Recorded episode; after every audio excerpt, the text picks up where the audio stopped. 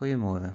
Volgens die skrif is Filippense 4 vers 4 en 5 en jy kan nou sê ja, dit is baie bekend. Maar ons lees baie keer ons Bybel en ons lees nie werklik wat ons lees nie. Ons luister nie werklik wat ons lees nie. Ons lees dit net omdat ons dit ken al van baie kleins af. Dit sê wees altyd bly omdat jy weet dat jy aan die Vader behoort. Ek sê dit weer. Wees bly. Hoekom moet ons bly wees?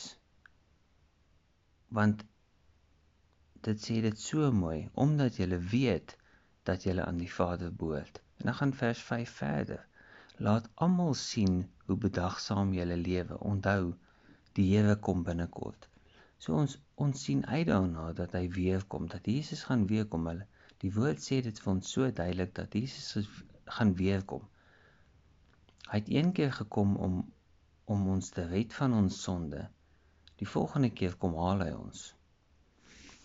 En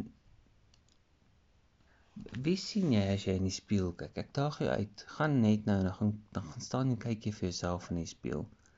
sien jy iemand wat wat rejoice wat wat homself verbly omdat God en Christus en die Heilige Gees in hom is en by hom is?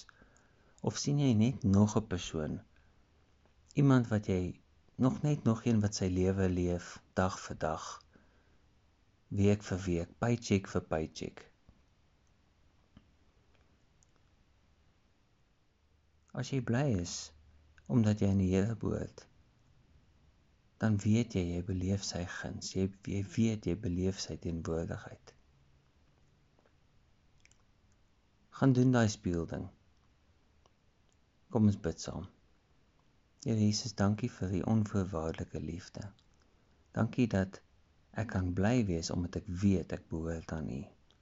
Dankie dat ek kan bly wees en dat mense kan sien ek is 'n kind van U omdat ek weet U is binnekort weer by ons.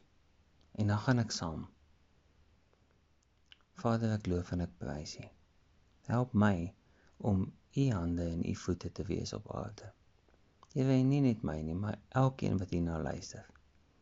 Elkeen wat sy hand om sê, opsteek en sê ek is 'n kind van God. Ek bid dit in Jesus se naam. Amen. Vrede vir julle.